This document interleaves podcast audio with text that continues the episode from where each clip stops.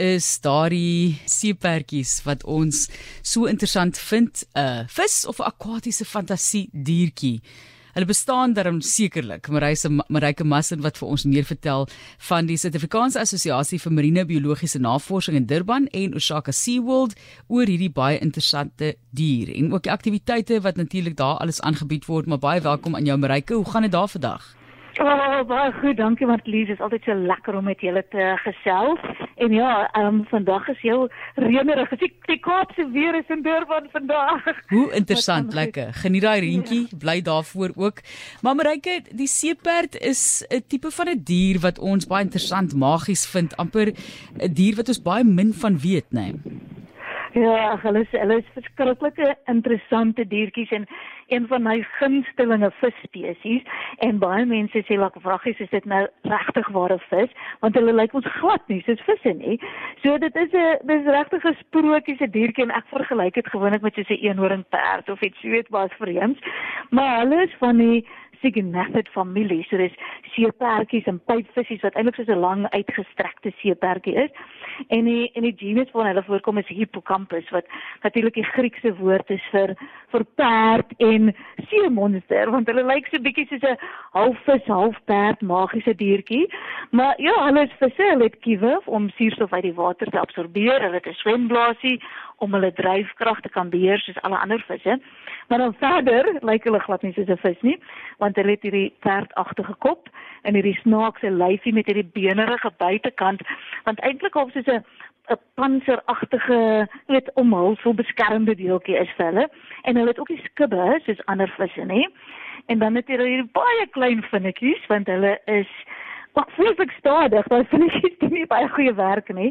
Hulle is die stadigste visse in die see en natuurlik beweeg hulle regop. So heeltemal anders as as gewone visse. Ek wil vir jou vra op daai noot Marike want dit is wat vir my interessant is. Mense dink eh, so met die ontwikkeling van 'n liggaam of van 'n dier se vorm dat daar is een of ander oorlewingsrede vir hoekom hulle so gebou is. En jy sê hulle wat hulle swem baie sleg. Hulle dit lyk amper mos so half asof hulle hop deur die water. So is daar enige of is daar rede hoekom jy dink hulle so gebou is en dan ook nie so goed swem nie? Ja, weet jy wat, dit is eintlik baie interessant. So, daar's twee goeie redes en die een is seeparkies kom al vir meer as 20 miljoen jaar voor. En wat baie interessant is, en hulle het ehm um, of ge, gegaan van van normaal swem soos 'n visie na regop want hulle het aangepas by hulle omgewing.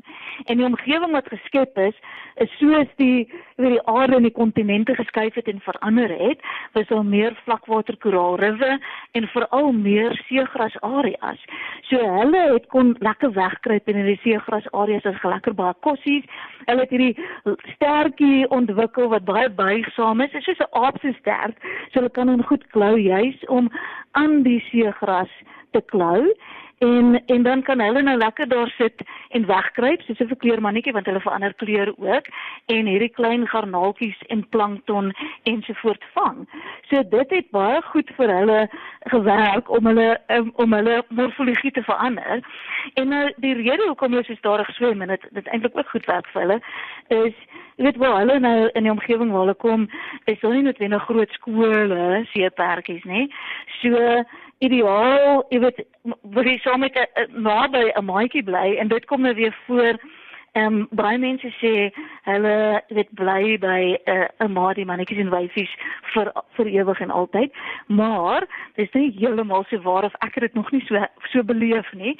Maar in die, in die see gewoonlik bly hulle in hulle uh, hulle areaatjie en ehm um, het een mannetjie of een wyfietjie vir 'n seisoen.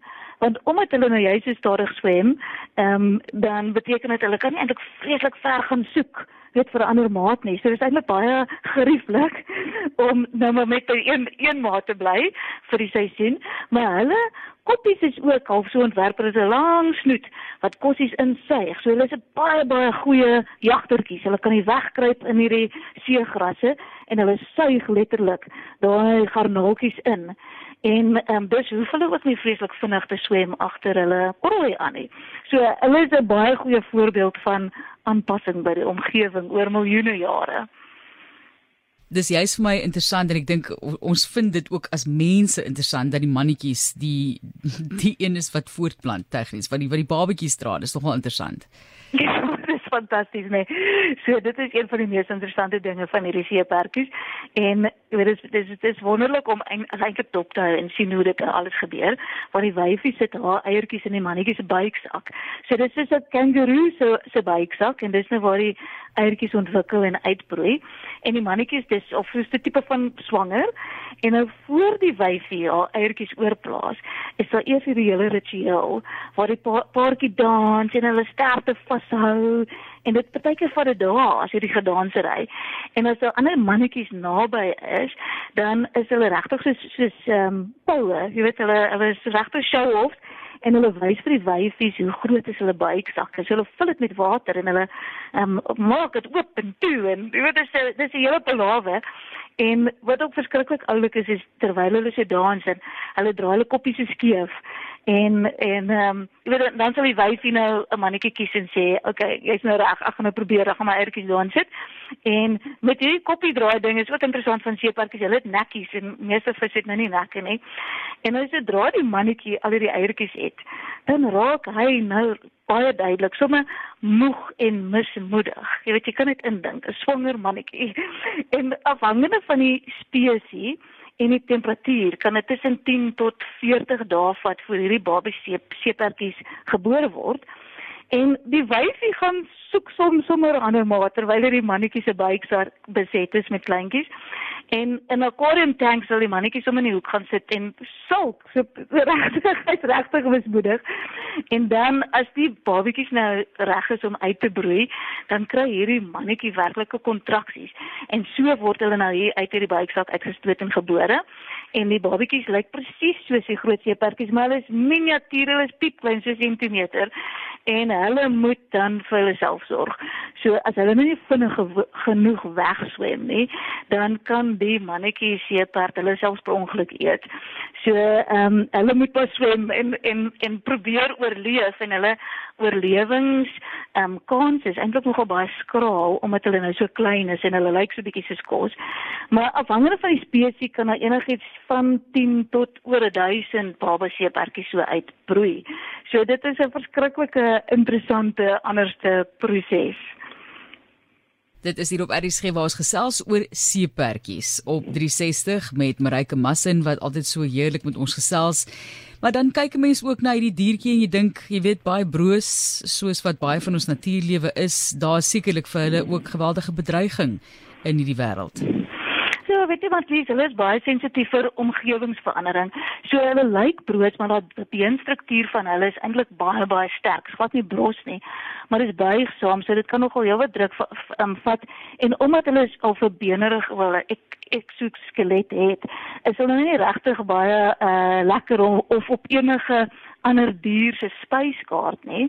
Maar ehm um, hierso by ons byvoorbeeld ons Nysna seepertjies, hulle is die mees bedreigde seepertjies in die wêreld juis omdat hulle net in drie areas voorkom en dis die strandmeer en natuurlik by Nysna en Sedgefield en Keerbooms.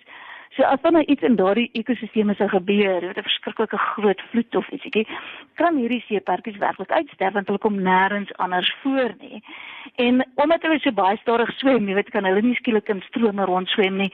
Daar is vinnetjie op hulle rug, die dorsale fin is verskriklik klein en hulle hulle beweeg dit nou heen en weer as hulle swem en as hulle vinnig probeer swem tot 50 keer per sekonde. Dit is verskriklik vinnig en dit kan hulle so uitput dat hulle van uitputting sterf. So so dit dis maar die belangrikste ding is maar net om seker te maak hulle omgewing is weet word goed opgepas en maar wat interessant is is omtrent so 2 jaar terug is 'n nuwe spesies van seepertjie by Sudwana ontdek. En dis een van heel kleintjies, hulle noem dit 'n pygmee seepertjie.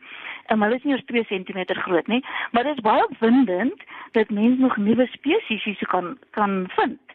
En die grootste spesies natuurlik in die wêreld is die die groot penseeperd van Australië hulle kan tot omtrent 35 cm lank word. Maar daar is meer as 40 spesies in die wêreld vol en meeste van hulle is tropies. Maar hulle word nog steeds gevang en gedroog vir die tradisionele Chinese medikasiemark en dit word natuurlik nou vir duisende jare gepraktiseer En wêreldwyd is daar baie um, volhoubare projekte waar die oes van seeperkies streng beheer word, maar hulle bly tog maar nog steeds baie kwesbaar want daar is groot aanvraag vir hierdie gedroogde seeperkies. En dit word geglo dat hierdie seeperkies dit veral vir hartkwale kan help en selfs cholesterol kan behandel, Ay. maar daar is nie enige wetenskaplike bewyse hiervan nie. Ek weet wat moderne wetenskaplikes steeds ondersoek is hoe om biometriese robotte te bou, ehm um, soos die struktuur wat 'n seepark het wanneer daai eksoskelet is so buig. Jy weet hulle is al baie goed wees in yoga vir instance, maar ehm um, hulle wil robotte kan ontwerp wat so kan buig en, en rond beweeg en jy weet daai sterk van hulle wat so aan alles kan klou. So dis dis regtig hulle is net fascinerende diertjies en ek dink nog 'n aspek van hulle wat so interessant is is dat hulle het nie tande nie en hulle het ook nie 'n funksionele maag nie. So hulle moet die hele dag lank eet. Bietjies bietjies. Ah, jy weet onophoudend om energie te kry en dan eet hulle al die klein tipe plankton of klein garnaltjies en 'n uh, eh, 'n volwasse seeperkie kan tot 3000 van hierdie klein garnaltjies eet per dag. So Hulle is nie die ideale vis om aan te hou in jou akwarium by die huis nie, want hulle verg eintlik nogal baie aandag en hulle is baie sensitief vir omgewingsverandering. So as die temp temperatuur skielik val, raak hulle siek. Jy moet hulle heeltyd voer, lewendige garnaaltjies. So die die troeteldier winkels gereeld bring seeperkies in want almal wil hierdie magiese sprokies diertjie hê. Maar dit is nie eintlik ideaal vir um, tuis aquariums nie, maar aquariums die hele wêreld vol, um, hou hulle aan want dit is regtig 'n goeie plek om 'n halfe versekeringspopulasie aan te hou. So byvoorbeeld ons het 'n baie goeie genetiese beheerde seeperkies hierso by die aquarium net vir ingeval ietsie nou moes gebeur in Nysna of Sedgefield dan kan mens dan dink om hulle weer weer terug in die, in die, in daai omgewing te sit as hulle sou sou uitsterf. So dis dis net 'n 'n program om seker te maak dat as daar 'n krisis is in die see en 'n een of ander spesies sterf nou werklik uit dat mens nog steeds 'n goeie populasie iewers ter aanhou. En op hierdie stadium doen die Suid-Afrikaanse Nasionale Parke en Nysna eintlik juis 'n seeperkie uh, Nysna seeperkie populasie opname.